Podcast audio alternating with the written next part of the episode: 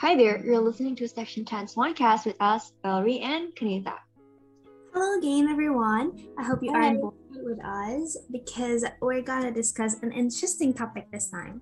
Hmm, yeah, I hope everyone is doing well as always.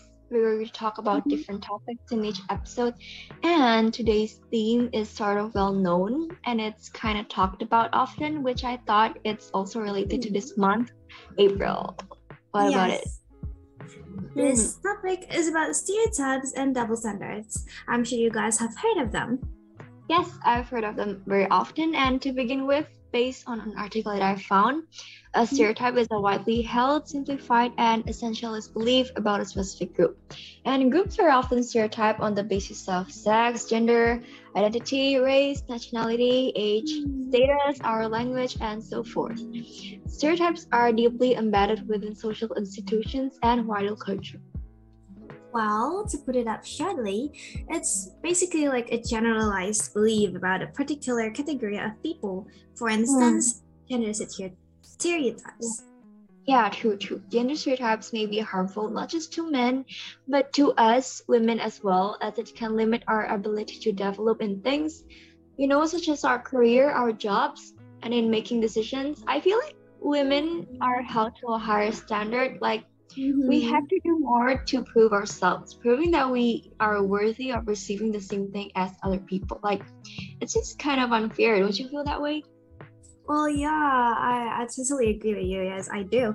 And it feels like um, we need to prove something because people tend to think that women aren't quite the right fit for like senior Mm. leadership or certain kinds of leadership positions. But Yeah. there's absolutely nothing wrong with it. Yeah, I know, right? There's absolutely nothing wrong with it. Gender stereotypes can lead to discriminations, but not just in women, but to men as well, such as, if you ever heard of this, it's called toxic masculinity. Well, yeah, yeah. I was thinking of the same thing. Men are expected to always act tough.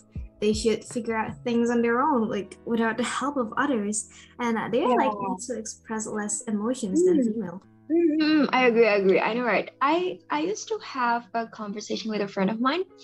Uh, he said something like he's used to always suppress his emotions. Like he should always defend his reputation and be willing to use physical aggression to do so. Oh. Because you know, men will be labeled as weak if they don't.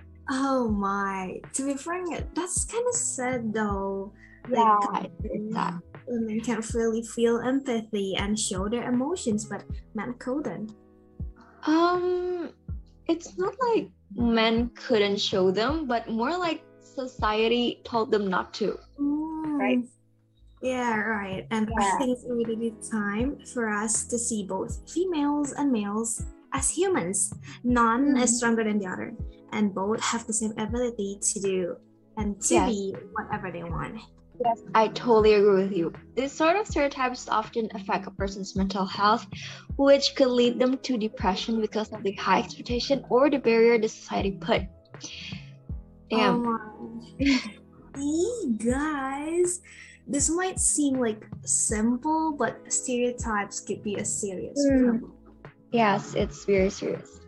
Therefore, I want to invite all of our listeners and audience today to stop putting, please stop putting stereotypes on other people. Yeah, we could start from ourselves, then then maybe we can influence the people around us to stop the stereotypes as well.